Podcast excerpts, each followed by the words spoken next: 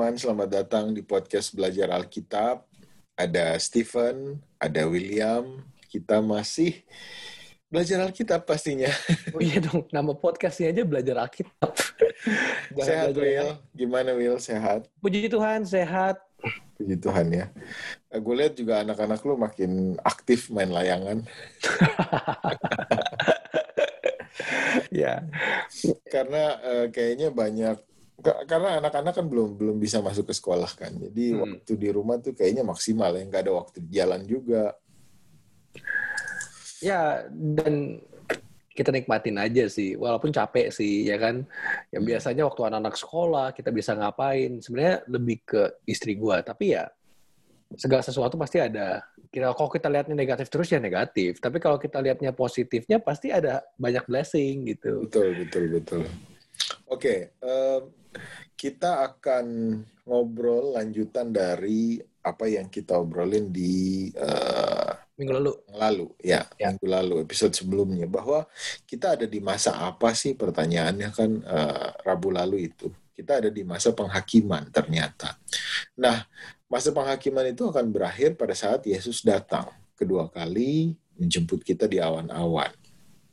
Tapi ya. setelah itu uh, apa yang akan terjadi? Maksudnya kedatangan Yesus itu menandakan apa? Apakah pada saat kedatangan Yesus itu kita dijemput masuk ke dalam kerajaan surga, terus uh, sisanya manusia yang tidak pantas untuk uh, dijemput masuk ke dalam kerajaan surga tuh apa yang terjadi terhadap mereka?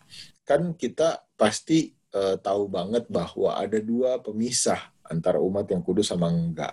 Yang dari dulu kita tahu adalah yang satu masuk surga, yang satu masuk neraka. Hmm. Nah, bagian uh, itu, bagian neraka, kan Yesus datang untuk jemput kita masuk ke surga.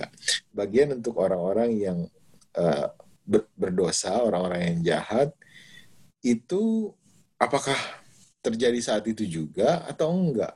Jadi Gimana nih penjelasannya? Kalau nggak salah kita pernah bahas kan ya. dulu, tapi itu tentang keadaan orang mati ya yang waktu itu ya. kita belajari. Nggak ada ngomongin tentang neraka ya waktu itu ya?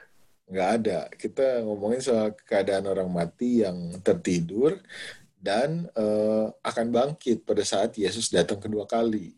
Cuma oh. detail waktu itu bahwa siapa aja yang akan bangkit pada saat Yesus datang kedua kali.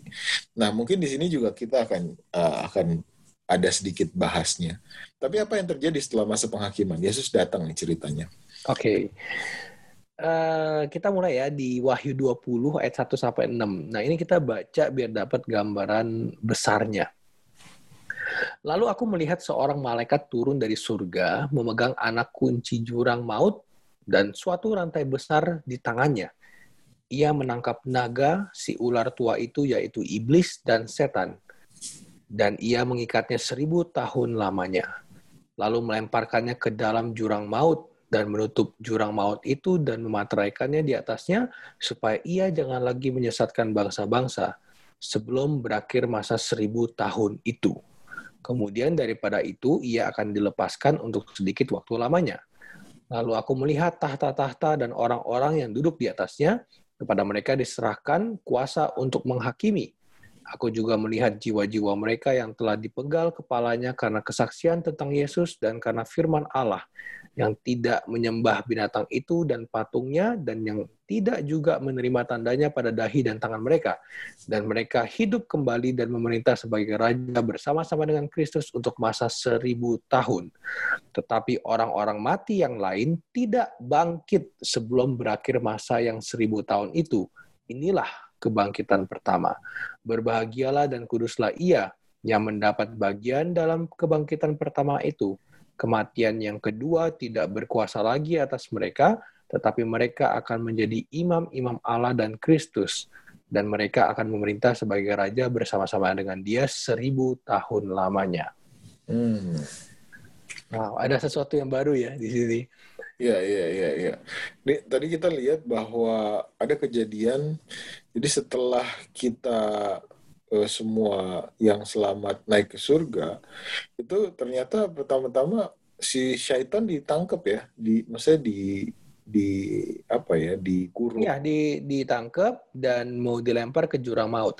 Tapi mungkin teman-teman ada yang nanya dulu nih. Dari mana kita tahu ayat ini ngomongin uh, bahwa ini udah naik ke surga, gitu kan?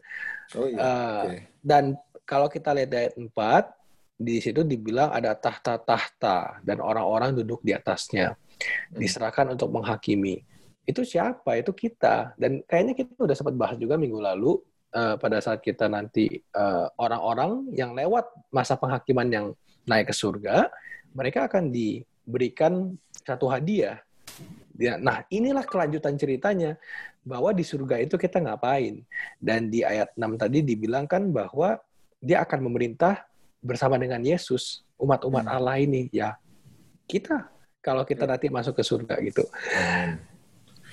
Oke, okay, berarti uh, kita ada di keadaan ini selama masa seribu tahun sama kayak sama kayak dikurungnya setan itu seribu tahun masanya.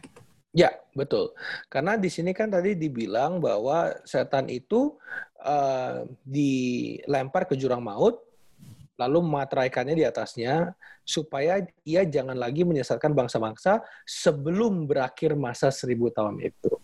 Dan dibilang kemudian daripada itu ia akan dilepaskan untuk sedikit waktu lamanya. Jadi uh, di, waktu mulai masa seribu tahun itu sampai hampir akhir dari seribu tahun, setan akan ditahan. Tapi ada sedikit masa di akhir dari seribu tahun itu, setan akan dilepaskan. Nah, mungkin nanti kita akan bahas lagi nantilah yang itu. Tapi okay. um, kita mau belajar lebih ke masa seribu tahunnya ini, apa sih yang terjadi di masa ini gitu. Oke, okay, berarti gini, uh, abis tuh abis masa penghakiman episode minggu lalu, Tuhan Yesus datang jemput kita, lalu uh, kita masuk ke surga selama masa seribu tahun, gitu ya. ya. Terus, uh, nah kan kita bangkit nih, orang-orang kudus yang udah mati juga bangkit untuk naik ke dalam kerajaan surga. Pertanyaannya berarti yang bangkit cuma orang-orang kudus saja di masa seribu tahun, di masa naik ke surga dan uh, di masa seribu tahun itu. Karena kan setan juga di bumi udah udah dikurung gitu. Ya, uh, betul. Karena kita lihat sampai tiga kali loh itu disebut masa seribu tahun. Hmm. Dan di sini kita lihat deskripsinya uh, ada tahta-tahta, orang-orang duduk di atasnya. Lalu mereka dikasih kuasa untuk ngapain? Untuk menghakimi Hmm. Wow. Lalu diulang lagi di bawah di ayat 6 bahwa mereka akan memerintah sebagai raja seribu tahun. Jadi uh, di sini orang-orang kudus menerima kuasa, menerima juga kuasa untuk bisa memerintah dan juga menghakimi. Mungkin lebih tepatnya ikut dalam penghakiman yang sedang terjadi. Jadi um, kita bisa lihat masa itu bukan kita kayak diem-diem nggak ngapa-ngapain, tapi rupanya orang-orang kudus ini atau kita puji Tuhan nanti kalau kita masuk ke surga, Amin. Kita, uh, ikut ambil bagian dalam penghakiman. Hmm. Jadi kita pengen tahu sekarang kan ini penghakiman buat siapa gitu. Oke, okay. oke. Okay. Baiklah, lanjut ya. Ya, mungkin uh, satu lagi. Kalau kita lihat di ayat 5 tadi, dibilang, hmm. tetapi orang-orang mati yang lain. Ini yang lain siapa nih?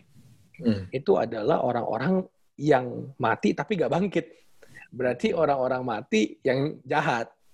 Dikatakan orang-orang mati yang lain tidak bangkit sebelum berakhir masa seribu tahun itu. Inilah kebangkitan okay. pertama. Nah, kebangkitan pertama itu adalah apa ya? Kita, kebangkitan orang-orang kudus. Oke. Okay. Nah, dan uh, berarti kalau selama ini kan mungkin ada yang berpikir orang mati juga ikut bangkit kok karena semua mata kan melihat dia katanya kayak gitu kan. Hmm, hmm. Uh, berarti orang mati juga bangkit gitu. Hmm. Tapi ayat ini mengatakan orang lain nggak orang mati, orang mati yang jahat nggak bangkit. Hmm. Tunggu sampai masa seribu tahun selesai baru mereka dibangkitin. Hmm. Jadi ada jeda seribu tahun antara kebangkitan orang kudus dan kebangkitan orang yang mati.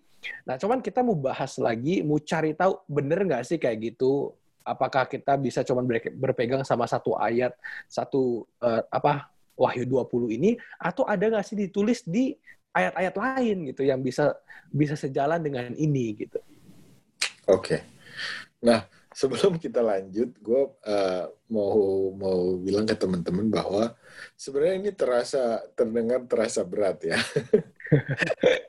Makanya kalau misalkan teman-teman dengar sampai di menit ini dan belum berdoa, ini gue saranin untuk di stop dulu dan berdoa dulu supaya ada tuntunan Roh Kudus saat mendengarkan uh, dan kita belajar firman ini karena uh, ini tuh sebenarnya penting buat kita tahu supaya kita bisa lihat masa depan kita sebagai umat Allah tuh seperti apa.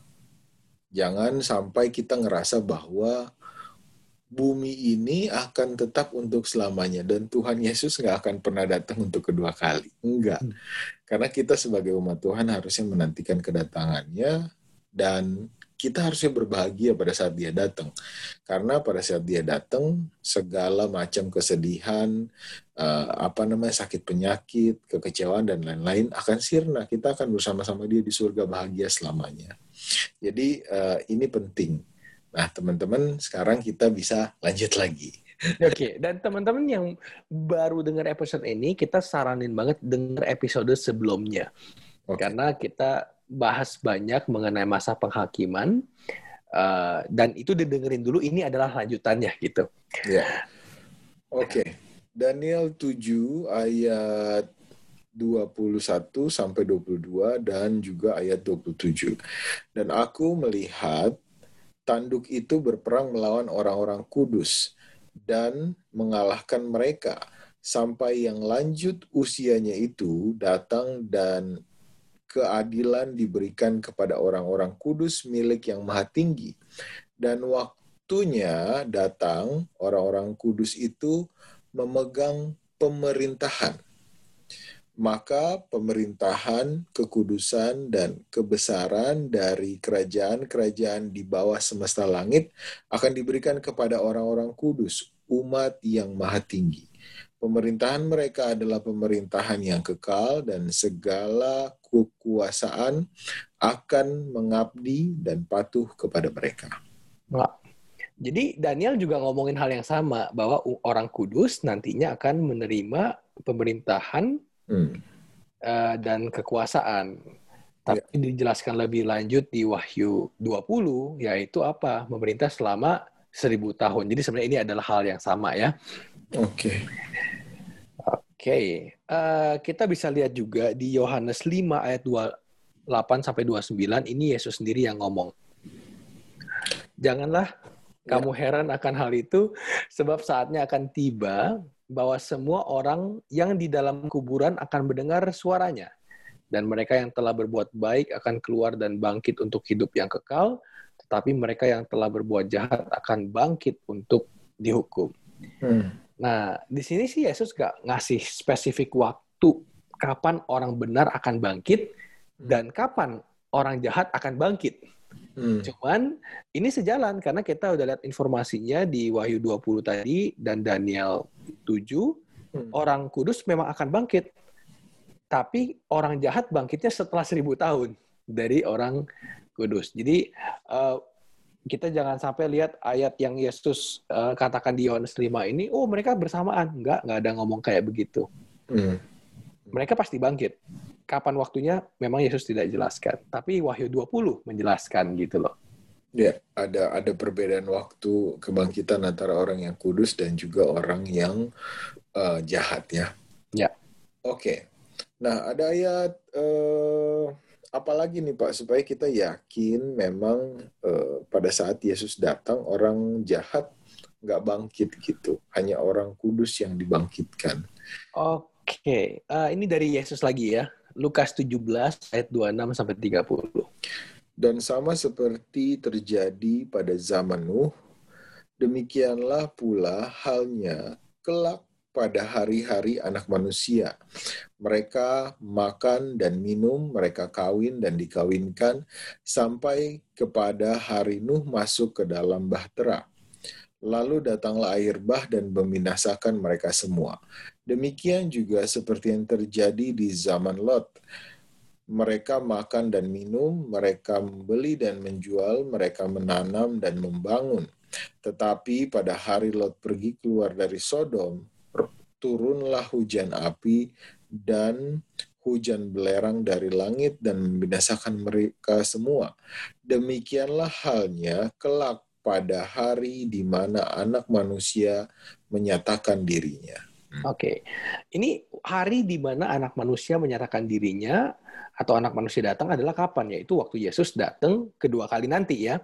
Yeah. Kita nggak ngomongin seribu tahun nih, gitu. Hmm. Tapi yang jelas ini ada paralelnya. Waktu zaman Nuh, waktu semua udah dalam bahtera dan selamat, semua orang jahat apa yang terjadi?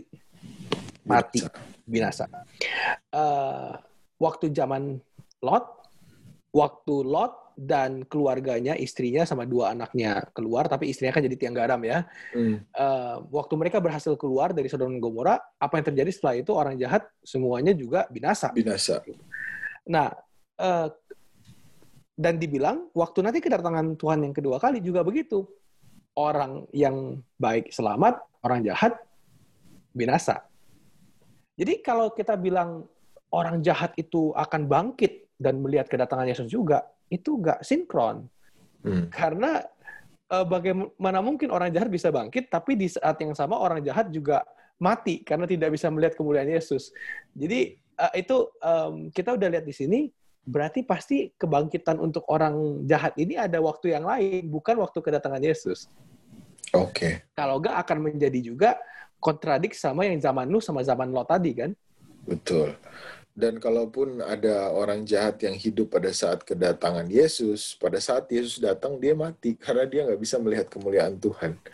Yes. Cocoknya sama orang kudus. Kudus sama kudus, bukan kudus sama kotor. Cocok. Yang kotor jadi bersih nanti.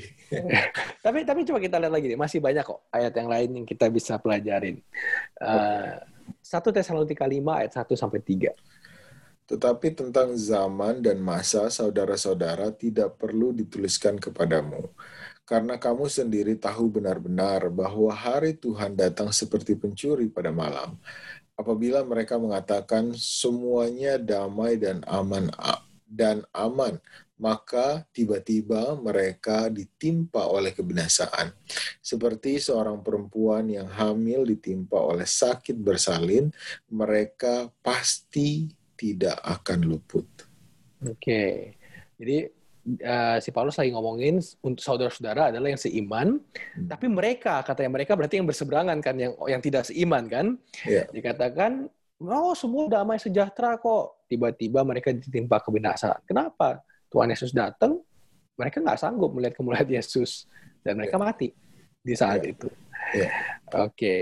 kita lihat lagi di Wahyu. Wahyu 6 ayat 15 sampai 17 dan raja-raja di bumi dan pembesar-pembesar serta perwira-perwira dan orang-orang kaya serta orang-orang berkuasa dan semua budak serta orang mereka bersembunyi di dalam ke dalam gua-gua dan celah-celah batu karang di gunung.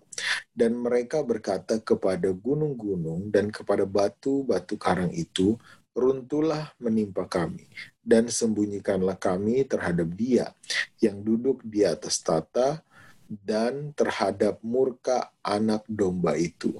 Sebab sudah tiba hari besar murka mereka dan siapakah yang dapat bertahan. Hmm. Oke. Okay. Jadi nggak ada seorang pun yang jahat bisa bertahan waktu Yesus datang. Malah mereka minta tolong batu-batu timpalah kami ini terlalu terang. Kita nggak bisa lihat ini. Mereka ngumpet semua di celah-celah gunung. Yeah. Oke. Okay. Uh, kita bisa lihat lagi di Wahyu 7 ayat 9 sampai 10, 14 sampai 15. Kemudian daripada itu aku melihat sesungguhnya suatu kumpulan besar orang banyak yang tidak dapat terhitung banyaknya dari segala bangsa dan suku dan kaum dan bahasa berdiri di hadapan tahta dan di hadapan anak domba memakai jubah putih dan memegang daun-daun palem di tangan mereka. Dan dengan suara nyaring mereka berseru, keselamatan bagi Allah kami yang duduk di atas tahta dan bagi anak domba. Maka kataku kepadanya, Tuanku, Tuhan mengetahuinya. Lalu ia berkata kepadaku, mereka ini adalah orang-orang yang keluar dari kesusahan yang besar. Dan mereka telah mencuci jubah mereka dan membuatnya putih di dalam darah anak domba. Karena itu mereka berdiri di hadapan tahta Allah dan melayani dia siang malam di bait sucinya, dan ia yang duduk di atas tahta itu akan membentangkan kemahnya di atas mereka. Hmm. Nah, itu uh, kita lihat kan di sini hanya orang kudus bisa melihat kemuliaan Yesus, hmm. siap diangkat ke surga, sampai ke surga duduk di atas di tahta-tahta katanya. Jadi mereka bisa bertahan waktu ngelihat kemuliaan Yesus. Sebaliknya orang jahat nggak bisa bertahan dan mereka mati seketika. Iya. Oke, nah kita bisa ulangin lagi nih yang tadi di Wahyu 20 ayat 5 sampai 6. Tetapi orang-orang mati yang lain tidak bangkit sebelum berakhir masa yang seribu tahun itu. Inilah kebangkitan pertama. Berbahagia, berbahagia dan kuduslah ia yang mendapat bagian dalam kebangkitan pertama itu. Kematian yang kedua tidak berkuasa lagi atas mereka, tetapi mereka akan menjadi imam-imam Allah dan Kristus. Dan mereka akan memerintah sebagai raja bersama-sama dengan dia seribu tahun lamanya. Nah, di sini kan dibilang tadi orang-orang mati yang lain. Hmm. Dia tadi lagi ngomongin tentang orang-orang kudus yang terangkat, tapi ada orang-orang mati yang lain. Berarti yang lain itu yang tidak kudus. Berarti dia itu yang jahat, yang tidak bertobat.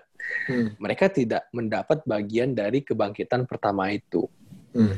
Nah, mereka uh, yang dapat bagian dari kebangkitan pertama cuman orang-orang yang kudus, hmm. orang-orang yang siap untuk dijemput. Hmm. Nah, tapi kalau kita uh, teliti lagi, sebenarnya ada suatu kelompok orang jahat yang uh, khusus dibangkitkan waktu Yesus datang. Hmm. Karena secara general orang mati katanya yang jahat nggak bakal bangkit sampai akhir dari seribu tahun baru mereka bangkit. Tapi orang kelompok jahat yang khusus ini dibangkitkan. Ini siapa gitu ya? Hmm. Nah, uh, kita lihat deh Daniel 12 ayat 2. Dan banyak dari antara orang-orang yang telah tidur di dalam debu tanah akan bangun, sebagian untuk mendapat hidup ke kekal, sebagian untuk mendapat hidup yang kekal, sebagian untuk mengalami kehinaan dan kengerian yang kekal. Nah, siapa orang ini? Gitu kan? Siapa yang sebagian ini yang dibangkitkan tapi untuk mengalami kehinaan dan kengerian yang kekal itu siapa? Kita lihat Wahyu 1 ayat 7. Lihatlah ia datang dengan awan-awan dan setiap mata akan melihat dia, juga mereka yang telah menikam dia, dan semua bangsa di bumi akan meratapi dia. Ya amin. Wow. Sekelompok orang ini yang jahat dibangkitin, mereka itu adalah yang menikam Yesus, yang menyelamatkan Yesus. Hmm. Mereka adalah orang-orang yang paling ingin supaya Yesus mati supaya Yesus cepat-cepat disalibkan dan mereka ini dibiarkan. Tuhan kasih mereka lihat dengan mata kepala mereka sendiri bahwa mereka itu salah. Dan akhirnya mereka mendapatkan hukuman yang mengerikan. Kayak bagaimana kita sih nggak tahu, nggak dijelaskan lebih lanjut. Tapi uh, inilah cuman ini nih uh, special buat orang jahat yang bisa lihat Yesus, tapi spesialnya ngeri. ya. Oke. Nah, uh, setelah orang kudus uh, naik ke surga, siapa yang akan dihakimi sama orang kudus ini selama seribu tahun? Uh, apakah sebenarnya penghakiman ini tujuannya untuk menghukum saja atau ada tujuan pengampunan juga? Tapi yang paling penting siapa yang akan dihukum? Mungkin itu akan menjawab pertanyaan gue yang tadi juga. Oke, okay. uh, eh, tapi yang tadi udah clear ya berarti bahwa orang benar hanya orang benar yang bangkit di uh, waktu Yesus datang. Mulailah awal seribu tahun, setelah akhir seribu tahun orang jahat baru dibangkitkan. Oke, okay. uh, eh, tapi penghakiman apa yang berlangsung? Siapa yang dihakimi? Uh, kita akan lihat beberapa ayat. Kita mulai dari 1 Korintus 6 ayat 1 sampai 3. Apakah ada seorang di antara kamu yang jika berselisih dengan orang lain berani mencari keadilan pada orang-orang yang tidak benar dan bukan kepada orang-orang kudus? Atau tidak tahukah kamu bahwa orang-orang kudus akan menghakimi dunia? Dan jika penghakiman dunia berada dalam tangan kamu, tidakkah kamu sanggup untuk mengurus perkara-perkara yang tidak berarti? Tidak tahukah kamu bahwa kita akan menghakimi menghakimi malaikat-malaikat? Jadi, apalagi perkara-perkara biasa dalam hidup kita sehari-hari. Hmm. Jadi semua orang kudus akan menghakimi dunia dan malaikat-malaikat. Menghakimi malaikat-malaikat dan dan gue waktu baca ini gue juga pikir wow kita gitu menghakimi malaikat uh, yang selama ini jaga kita mungkin gitu kan hmm. tapi ternyata Alkitab jelasin kok malaikat yang spesifik yang mana gitu yang akan dihakimi uh, itu ada di Yudas 1 ayat 6 dan bahwa ia menahan malaikat-malaikat yang tidak taat pada batas-batas kekuasaan mereka, tetapi yang meninggalkan tempat kediaman mereka dengan belenggu abadi di dalam dunia ke kelaman sampai penghakiman pada hari besar. Rupanya bukan malaikat yang baik, tapi malaikat yang jahat, yaitu siapa? Lucifer dan DKK. DKK. Iya. dan kawan-kawan. Artinya eh, dunia itu yang dimaksud adalah orang jahat tadi. Uh, karena karena waktu kita dihakimi kalau kita bertobat sebanyak apa pun dosa kita pada saat ini, tapi kita benar-benar uh, bertobat, minta ampun sama Tuhan, tidak mengulanginya lagi, hidup dengan sesuai yang Tuhan mau, Tuhan Yesus kayak seperti yang kita belajar minggu lalu, dia akan menjadi pembela kita dalam penghakiman yang sekarang ini. Dan akhirnya dosa-dosa kita itu dihapuskan seolah-olah kita nggak berdosa, ditutupi oleh darahnya. Hmm. Jadi kita present blameless gitu, nggak tapi untuk orang-orang jahat, Tuhan Yesus nggak bisa cover dengan darahnya. Sehingga kita yang kudus, yang naik ke surga, kita bisa buka, kita bisa tahu semua itu. Kenapa dia itu layak uh, uh, dihukum dan tidak bisa selamat. Begitu hmm. juga dengan uh, malaikat yang jahat. Hmm. Yaitu Lucifer dan kawan-kawan. Nah, uh, dari tadi kan kita ngomongin masa seribu tahun, masa seribu tahun gitu. Nah, di Alkitab tuh sebenarnya kan kalau soal waktu itu kadang ada yang simbolik, ada yang beneran artinya waktu tersebut gitu.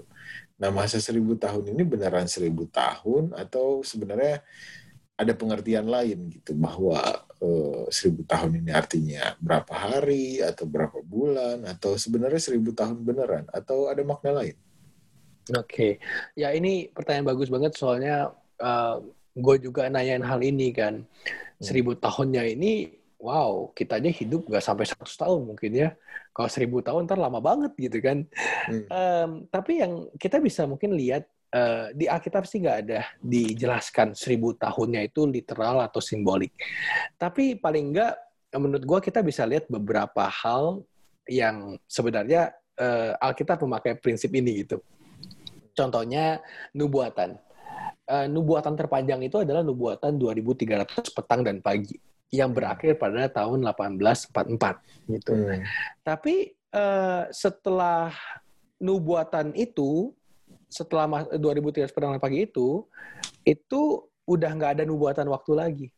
Hmm. Kalaupun ada nubuatan tentang kedatangan Yesus, lalu ada gempa dan ada chaos kita pernah lihat uh, belajar kan tanda-tanda kedatangan Yesus hmm. itu udah gak ada waktu lagi di situ udah terserah Yesus karena kalau kita lihat belajar di Daniel ada patung kan di Daniel 2 itu dijelasin tuh dan kita bisa lihat tahun-tahunnya semua exact tapi begitu kapan batu itu akan menyerap apa jatuh dan menghantam ujung kaki nggak ada yang tahu karena nubuatan waktu udah nggak ada hmm. jadi uh, kalau ngelihat dari sudut pandang nubuatan uh, kelihatannya seribu tahun itu kan karena dia setelah 2300 dan petang dan pagi.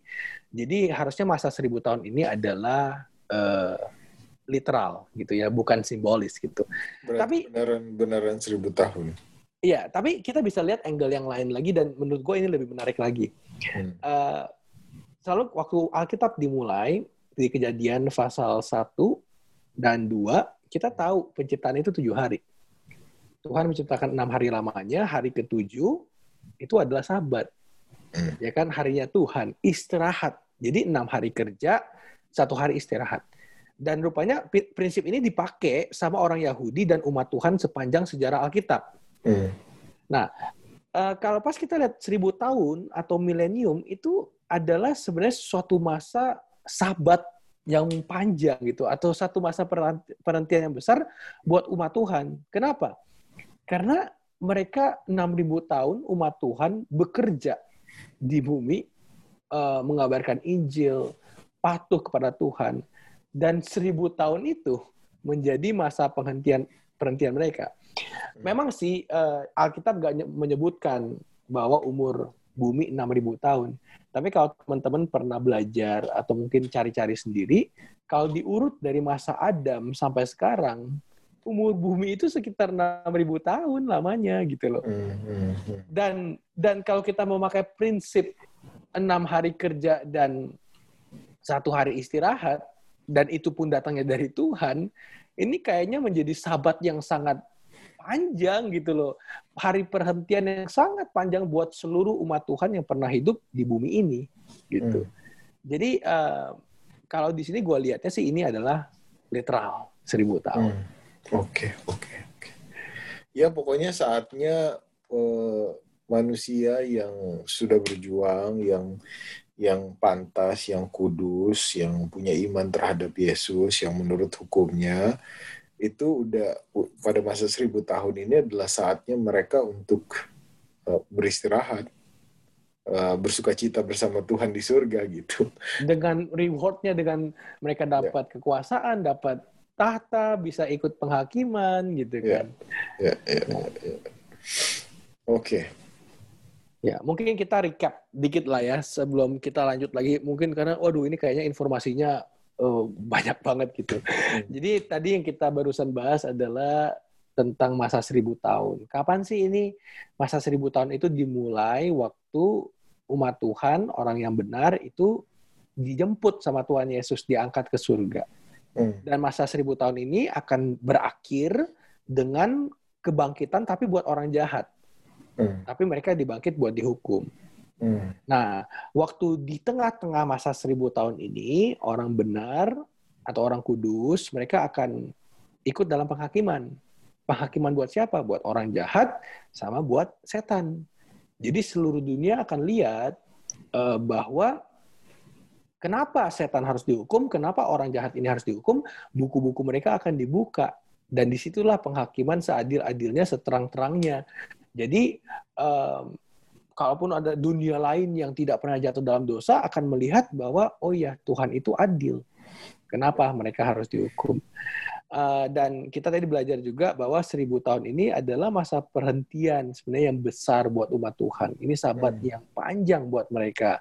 Hmm. Ya, dengan kita belajar bahwa kok sinkron ya, bumi ini juga 6000 tahun dan 1000 tahun diberikan uh, perhentian. Ya. Oke, oke, oke, oke. Nah, eh, sekarang kita mau fokus ke buminya. Karena kan orang kudus dan Tuhan ke surga, ya kan? Ya. Uh, merintah dan akan menghakimi di sana dalam masa penghakiman buat orang yang jahat gitu. Nah, apa yang terjadi di bumi pada saat uh, masa seribu tahun itu? Anggaplah dari tahun pertama sampai tahun ke seribu. Apa yang terjadi di antara tahun itu? Oke, okay. uh, ini menarik banget dan kebetulan Alkitab ada nulis tentang hal ini. Uh, kita mulai dari Yeremia 4 ayat 23 sampai 28. Aku melihat kepada bumi, ternyata campur baur dan kosong. Dan melihat kepada langit, tidak ada terangnya. Aku melihat kepada gunung-gunung, ternyata goncang. Dan seluruh bukit pun goyah. Aku melihat, ternyata tidak ada manusia dan semua burung di udara sudah lari terbang. Aku melihat ternyata tanah subur sudah menjadi padang gurun dan segala kotanya sudah runtuh di hadapan Tuhan, di hadapan murkanya yang menyala-nyala. Sebab beginilah firman Tuhan, seluruh negeri ini akan menjadi sunyi sepi, tetapi aku tidak akan membuatnya habis lenyap. Karena hal ini bumi akan berkabung dan langit di atas akan menjadi gelap, sebab aku telah mengatakannya, aku telah merancangnya, aku tidak akan menyesalinya dan tidak akan mundur daripada itu. Hmm. Jadi bumi itu kosong, nggak berpenghuni. Jadi eh, kalau ada orang jahat dibangkitkan pada masa ini, pasti bumi nggak kosong kan. itu balik lagi ke yang tadi ya. Dan nggak ada orang jahat. Orang jahat di masa ini tidur gitu, uh, mati. mati. Hmm. mati dan bumi masih tetap ada tapi katanya tadi kan tidak akan lenyap habis hmm. kosong tapi nggak nggak beraturan nggak nggak jelas gitu loh hmm. nah ini sebenarnya di, diceritain kok kosongnya kayak apa, nggak lenyap habisnya kayak apa itu ada lagi. Kita coba lihat berapa ayat lagi deh. Okay. Uh, ya saya 24 ayat 1 dan 3. Sesungguhnya Tuhan akan menanduskan bumi dan akan menghancurkannya, akan membalikkan permukaannya, dan akan menyerang, menyerang menyerahkan penduduknya. Bumi akan ditanduskan setandus-tandusnya dan akan dijarah sehabis-habisnya. Sebab Tuhanlah yang mengucapkan firman itu. Hmm. Dan uh, gua rasa ini ini susah sih kalau kita mau imajinasiin gitu ya. Hmm. Karena keadaan ini itu buruk banget dan nggak pernah dalam sejarah manusia kita pernah lihat kayak gini. Uh, kalau air bah itu air, ini udah campur api dan segala macamnya. dan uh, jadi yang pasti bumi itu masih ada orang mungkin tahu kita tahu itu bumi tapi udah udah setandus-tandusnya dan habis habis-habisnya gitu. Ya. Uh, tapi kita bisa dapat clue uh, sebenarnya mungkin di di sini. Kejadian 1 ayat 2. Bumi belum berbentuk dan kosong. Gelap gulita menutupi samudra raya dan roh Allah melayang-layang di atas permukaan air. Dan ini adalah waktu penciptaan. Uh, sebelum Tuhan uh, mengisi bumi, tapi di sini uh, ditulis bumi belum berbentuk dan kosong. Hmm. Udah ada buminya, tapi belum berbentuk dan kosong.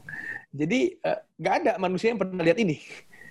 Tapi ini ditulis di awal daripada Alkitab ditulis. Jadi mungkin uh, mendekati mirip, mirip lah ya. Mirip-mirip. tapi tapi uh, tapi udah bagian kacaunya. Bagian hancur. Ya. Ya, ya, ya, ya. Kalau itu belum ada dosa, yang ini udah ada dosa. Waduh, pasti lebih parah lagi gitu. Hmm. Oke. Okay. Oke. Okay. Nah, tadi sebenarnya ada yang menarik tuh di atas di eh, awal-awal kita ngobrol bahwa ternyata setan itu kan akan dilempar dan ditahan di jurang maut. Nah, ini tuh di mana gitu? Apakah ini yang disebut neraka? yang selama ini kita Dan kalaupun ada neraka, neraka di mana gitu kan? Ah iya, oke. Okay. Nah, itu jawabannya apa, Pak? Oke, uh, kita lihat dulu Wahyu 20 ayat 2 sampai 3 deh. Kita gali. Oke. Okay. Ia menangkap naga si ular tua itu, yaitu iblis dan setan, dan ia mengikatnya seribu tahun lamanya, lalu melemparkannya ke dalam jurang maut dan menutup jurang maut itu dengan materainya di atasnya, supaya ia jangan lagi menyesatkan bangsa-bangsa sebelum berakhir masa seribu tahun itu. Kemudian daripada itu ia akan dilepaskan untuk sedikit waktu lamanya. Oke, kita agak word study dikit ya yang di sini. Uh, jurang maut itu kalau bahasa Inggrisnya King James Version bottomless pit bottomless, nggak ada nggak ada bawahnya, ada ujungnya. ada ujungnya. Kalau bahasa Grikanya tuh abisos, uh, yang artinya kedalaman yang tidak dapat terukur, titik terendah bumi yang sering digambarkan untuk orang mati dan tempat tinggal setan. Nah itu abisos tuh, jurang maut ini. Uh, kita coba lihat ya ayat yang lain yang menggambarkan tentang setan dibuang ke mana gitu. Ada di buku Yesaya 24 ayat 19 sampai 23. Bumi remuk redam, bumi hancur luluh, bumi gonjang ganjing. Bumi terhuyung-huyung sama sekali seperti orang mabuk dan goyang seperti gubuk yang ditiup angin. Dosa pemberontakannya menimpa dia dengan sangat, ia rebah dan tidak akan bangkit-bangkit lagi. Maka pada hari itu Tuhan akan menghukum tentara langit di langit dan raja-raja bumi di atas bumi. Mereka akan dikumpulkan bersama-sama seperti tahanan dimasukkan dalam liang. Mereka akan dimasukkan dalam penjara dan akan dihukum sesudah waktu yang lama. Bulan purnama akan tersipu-sipu, dan matahari terik akan mendapat malu, sebab Tuhan semesta alam akan memerintah di Gunung Sion dan di Yerusalem, dan dia akan menunjukkan kemuliaannya di depan tua-tua umat. Wow, ini sebenarnya ngomongin sinkron banget sama yang tadi ya. Dibilang Tuhan akan menghukum tentara langit. Itu, itu kan setan, tentara langit. Yeah. Dan raja-raja bumi adalah orang-orang jahat yang berkuasa di bumi ini. Hmm. Lalu dibilang mereka akan dimasukkan ke dalam penjara dan akan dihukum sesudah waktu yang lama. Ini waktu yang lama tuh kapan? Seribu tahun. Mereka akan dihukum setelah seribu tahun. Karena tadi kita udah belajar. Nah, tapi ada satu kata di sini yang menarik, itu kata liang. Karena dibilang dia akan dimasukkan ke dalam liang. Kalau liang ini eh, bahasa Inggrisnya pit, bahasa Grikanya bower, yang artinya penjara bawah tanah. Tapi dari dua ayat tadi, dari Yesaya dan Wahyu, kita sebenarnya udah dapat gambaran di saat bumi ini hancur, lebur, gak berbentuk, kosong, gak berpenghuni, uh, manusia pun tinggal tulang belulangnya yang sisa di bumi, gak hidup, hmm. setan itu dilempar ke titik terendah di bumi yang kita nggak bisa bayangin itu apa. Jadi di situlah tempat setan. Hmm. Cuman di situ. Nah, uh, tadi kita juga pernah bacakan di kejadian 1 ayat 2. Coba kita baca lagi deh. Kejadian 1 ayat 2. Kejadian 1 ayat 2. Sebelum uh, bumi belum berbentuk dan kosong, gelap gulita menutupi samudera raya dan roh Allah melayang-layang di atas permukaan air. Oke. Nah, ini kalau kita gali sebenarnya uh, ada sesuatu yang menarik di sini. Dibilang kan bumi belum berbentuk. Kalau belum berbentuk itu eh, bahasa Grikanya tohu, yang artinya kosong, tempat kekacauan, tempat terpencil. Ya. Hmm. Lalu eh, kosong, kosong itu apa? Kosong itu bohu, kekosongan, kehancuran, kehampaan. Itu kondisi bumi sebelum dijadikan. Nah, terus dibilang kan gelap gulita menutupi samudra raya. Tapi kalau bahasa Inggris itu bilangnya and darkness was upon the face of the deep. Nah, kata deep sini menarik. Deep ini atau dalam ini itu bahasa Grikanya tehom. Hmm. Tehom itu diartikan sebagai abis. Abis itu apa? Itu adalah neraka, kuburan, tempat yang sangat dalam. Itu artinya itu, abis itu. Hmm. Jadi pada saat bumi belum berbentuk, kita juga nggak bisa membayangkan gimana. Tapi ada uh, gelap gulita menutupi samudera raya atau the deep. Jadi itu tempat yang paling gelap, yang paling gelap yang ada di bumi gitu loh. Hmm. Itu ya kondisi bumi sebelum ada hari pertama, kedua, ketiga gitu loh.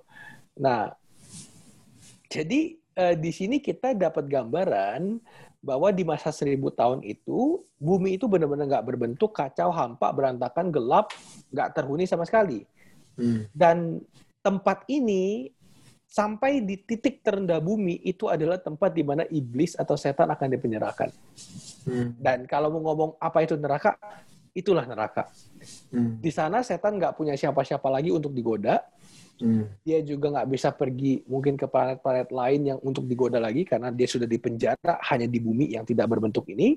Hmm. Tapi dia pun berada dengan semua umat manusia yang jahat yang masih mati dikubur, tapi cuma sama tulang-tulangnya aja, tidak berjawah orang jahat itu. Hmm. Dan dan di situlah waktu iblis akan merenung karena dia telah membangkang dan melawan Allah selama ini. Hmm. Jadi ya, itulah ya, sama oh, banyak banget ya informasi yang kita dapat. Eh, mudah-mudahan teman-teman bisa ngikutin atau enggak nanti coba baca lagi uh, sendiri karena hmm. tadi kita baca cukup banyak juga ayat-ayat di sini ya. Hmm. hmm, hmm, hmm. Oke, baiklah kita sampai di kesimpulan. Sebenarnya ini menarik karena eh, kita bisa bisa bisa milih gitu. Maksudnya kita masih punya waktu untuk uh, membuat atau apa ya, meminta Tuhan untuk bantu kita untuk get ourselves together gitu kayak supaya benar supaya di jalan Tuhan supaya dimampukan. Karena masih ada waktu. Hmm. masih ada uh, ya ini masih Tuhan belum datang gitu. Tuhan Yesus belum datang. Jangan sampai kita adalah orang-orang yang jahat ternyata. Ya dan sekarang gini ya kita kan hidup ini kita hidup dengan gengsi ya kan? Hmm. gengsi itu bukan berarti apa ya gengsi itu banyak levelnya. Dan setiap orang tuh punya pride itu punya punya rasa. Kayak kita tuh malu kalau ketahuan jeleknya kita. Itu kan selalu kita tutup tutupin uh, makanya apa namanya orang sekarang ini selalu berusaha untuk tampil menjadi yang terbaik. Kalau udah meeting udah ketemu orang harus harus the best dan kita berusaha nutupin itu semua yang jelek-jelek dari kita Cuman pada saat kita nanti gak masuk ke surga, kita tahu yang kita tutupin sekarang itu akan menjadi sangat lebih buruk dipandang sama seluruh dunia. Hmm. Karena kalau kita mencoba menutupi dan kita ternyata nggak masuk ke surga, semua orang, karena semua orang kudus menjadi hakim, semua orang tahu. Hmm. Tapi kalau kita masuk, uh, kalau kita nggak berusaha menutupi kejelekan kita dan kita mengakui kalau kita salah apa adanya begini, malahan Tuhan Yesus yang menutupi sehingga kita dimateraikan dan udah masuk ke surga aja gitu loh. Nanti dijemput dan gak diungkit-ungkit lagi dosanya. Yeah. Dan dan gua rasa kenapa kenapa Tuhan mau kita tahu ini padahal ini kan something yang hadiah sebenarnya buat kita yang nanti selamat. Hmm. Ini supaya kita tuh bisa hidup lebih rendah hati lagi. Kalau kita ada salah, akuin. Kalau kita punya kekurangan, gak usah malu. Minta ampun sama Tuhan, kalau kita berbuat salah sama orang, udah minta maaf aja. Hmm. Dengan begitu, Tuhan mudah-mudahan akan memandang kita sebagai orang yang benar di hadapannya, ditutupi dosa kita. Amin. Ya. Amin. Oke. Ada lagi Pak yang mau disampaikan?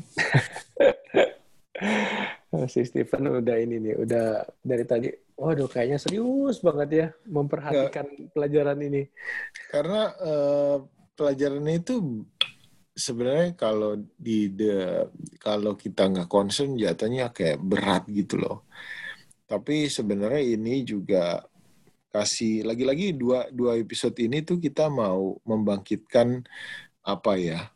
Ada urgensi di dalam hidup kita bahwa sebenarnya kita nggak akan selamanya aman-aman aja. Kita nggak akan selamanya di bumi ini dan keadaan bumi akan terus membaik, semua akan baik-baik aja. Uh, semua akan baik-baik aja sebenarnya, asal kita dekat sama Tuhan gitu. Jadi ini jadi jadi ini sih jadi apa ya? Jadi templakan, jadi pengingat yang keras buat buat gua gitu. Ya, dan kalau sebenarnya kan orang juga suka bilang YOLO gitu kan. You only live once, man. Get hmm. the best out of your life gitu. Um, iya, menurut lu. Tapi kalau menurut Alkitab enggak. Kalau hmm. kita karena setelah kematian ada pengharapan. Setelah bumi ini ada kebangkitan, ada dunia yang baru.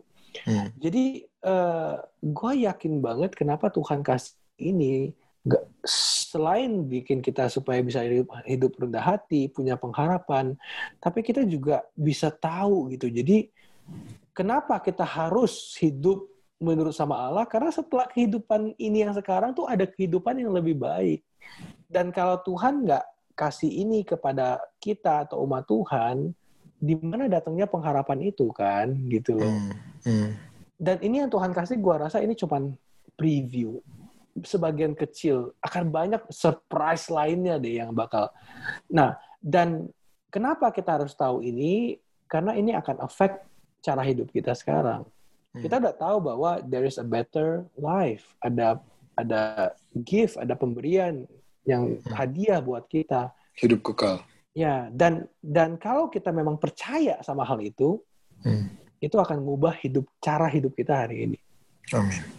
Tapi kalau misalnya kita bilang, no, kayaknya ini semua terlalu fairy tale, dan di sini gua nggak percaya apa yang Alkitab tulis, dan kita bisa memilih hidup kita dengan cara yang sesuka kita dengan hmm. you only live once gitu.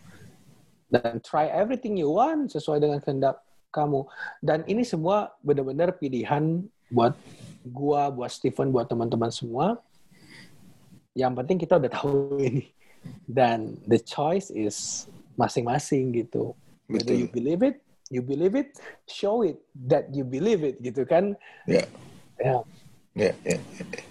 Dan se sebenarnya semua yang mendengarkan, maksudnya yang yang mau belajar sampai pada saat ini kan merasa dan mengaku punya iman terhadap Yesus, merasa dan mengaku bahwa kita adalah umat Tuhan.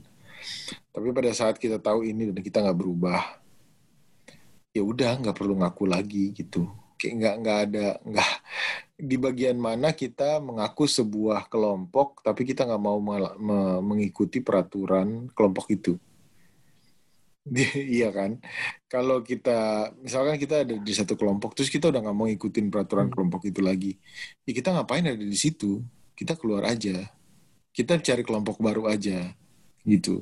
Jadi ya kita di sini belajar sama-sama bahwa kita mengaku umat Tuhan dan sebenarnya apa yang harus kita perbaiki masing-masing itu cuma kita yang tahu hmm.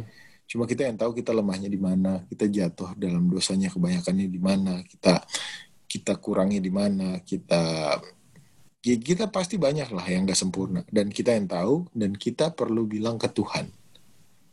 Belajar belajar gini terus juga nggak ada gunanya kalau kita nggak pernah bilang ke Tuhan bahwa kita butuh bantuan Tuhan karena kita nggak akan pernah berubah gitu. Ya. Jadi andalkan Tuhan. Dan mungkin satu lagi taman dari gua, um, tadi kita baca banyak banget ayat yang ngejelasin bumi, keadaan setan, masa seribu tahun. Dan teman-teman notice gak, something sebenarnya amazing banget. Karena tadi kita baca dari buku Yesaya, buku Yeremia, ada dari buku Gospel, Lukas, ya, Matius, lalu buku Wahyu, buku Daniel. Ini kalau teman-teman tahu kan semua time frame-nya itu berbeda-beda. Yeah. Orangnya berbeda-beda, dapat penglihatannya beda-beda, dan kebanyakan selain Yesus kagak ada yang ngerti sebenarnya penglihatan ini apa. Mereka cuma dapat penglihatan, mereka kasih tahu. Hmm. Ya saya nggak ngomongin spesifik timingnya kapan, tapi ada kejadian ini. Daniel nggak ngomongin spesifiknya apa, dia dapat cuma dapat satu uh, misalnya clue, tapi dia pun bingung sampai dia pingsan, tersungkur dan segala macam. Hmm. Yohanes diberikan uh, lebih detail, dia pun hmm. nggak ngerti, yeah. tapi ada seribu tahun.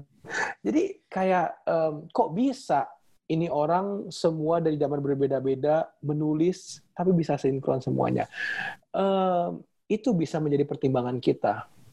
Apakah ini something yang benar-benar real hmm. yang membuat kita bisa percaya akan hal ini dan apakah kita mau coba give this a chance untuk believe ini dan uh, test the Bible? Yeah. Kita juga uh, tanya Tuhan gitu. Amin sebenarnya there is no reason to nggak nggak nggak percaya sih cuma ya oke okay, baiklah kita serahkan uh, semuanya ke Tuhan dan pastinya doa yang kuat terus uh, belajar yang yang banyak berdoa lagi yang kuat belajar lagi. Karena belajar firman Tuhan artinya kita mau serahkan diri kita diarahin sama Tuhan maunya apa sih itu hmm. arahnya mau ke mana sih? Oke kita akan belajar lagi Rabu depan ya. Lanjutannya apa nih Will lanjutannya berarti setelah masa seribu tahun ada apa gitu paling ya Oh gitu, ada lagi ya berarti ya. Ini mas. kita belajar dulu. kita belajar lagi ya. Karena tadi ada yang menarik sebenarnya. Di sini tuh ada yang menarik. Di bentar ya, gue lihat ya. Di Wahyu 20 ayat 2 sampai 3 tuh ada tulisan bahwa Kemudian daripada itu, ia si setan akan dilepaskan untuk sedikit waktu lama. Nah, nah ngapain setan udah dikurung seribu tahun, dilepasin lagi dikit, ngapain buat apa? Nah, nah itu kita mungkin perlu cari tahu juga tuh, supaya detail aja ceritanya. Hmm. Akhir zaman kayak apa sih? Jangan sampai kita nggak pernah tahu soal akhir zaman, nggak pernah mikirin soal kedatangan Yesus, kita santai-santai aja, nggak ada urgensi dalam hidup. Ya, karena tadi kita belum sama sekali belum ngomongin bahwa orang jahat dihukum loh. Kita cuma ngomongin orang jahat dan malaikat dihakimi. Oh, gue so, gue kira dikurung di dalam lubang tanpa ujung itu udah hukuman, belum ya berarti ya? Apakah selamanya kayak gitu? Kayaknya enggak kan, karena ada seribu tahun itu kan batasnya kan. Jadi kita pengen tahu what's next setelah ini. Oke, baiklah. Teman-teman seperti biasa bisa ngobrol sama kita di DM Instagram belajar kita podcast atau teman-teman bisa ikut juga belajar uh, secara live di Zoom, tapi topiknya memang bukan ini. Topiknya kita masih ngebahas uh, kisah para rasul. Uh, itu ada setiap hari Sabtu jam 10 pagi.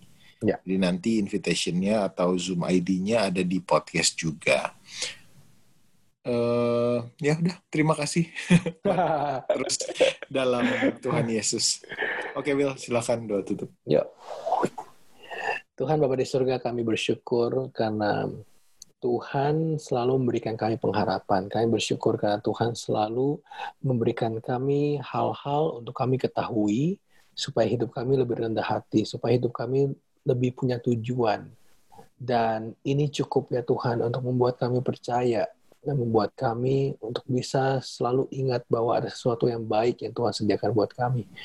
Ya Tuhan, kami belajar bersama-sama di sini dengan teman-teman semua ya Tuhan. Kami tahu bahwa pelajaran ini selalu indah Tuhan, tapi yang kami lakukan itu kecenderungannya selalu tidak mengarah kepada menantikan kedatangan Yesus kedua kali. Tuhan kami tahu kami punya banyak pencobaan dan sering kali kami selalu gagal. Tuhan kami kami akan percaya Tuhan dengan sesungguhnya ya Tuhan supaya kami bisa menumbuhkan bertumbuh iman kami di dalam Engkau ya Tuhan supaya kami bisa berubah dan mempersiapkan hidup kami untuk kedatangan Yesus. Tuhan sertai kami semua di sini supaya kami selalu sehat supaya kami juga bisa turut serta dalam pelayanan mengabarkan Injil, mengabarkan pekabaran yang benar ya Tuhan. Bantu kami Tuhan, kiranya Engkau juga rendahkan hati kami setiap kami setiap kali kami belajar Alkitab. Kami berdoa semua ini dalam nama Tuhan Yesus Juru Selamat dan penebus kami. Amin. Oh, gently lay your upon my chest, and I will comfort you like a mother while you rest. And the tide can change so fast, but I will stay the same through the past, the same in the future, same today.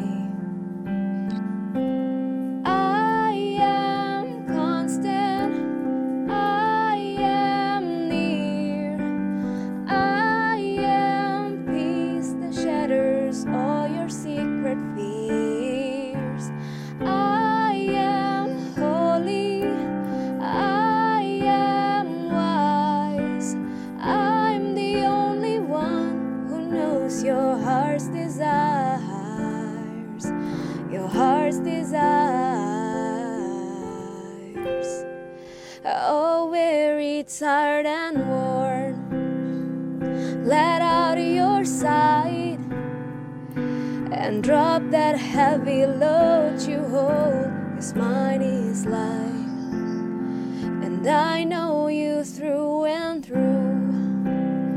There's no need to hide. I want to show you love that is deep and hide and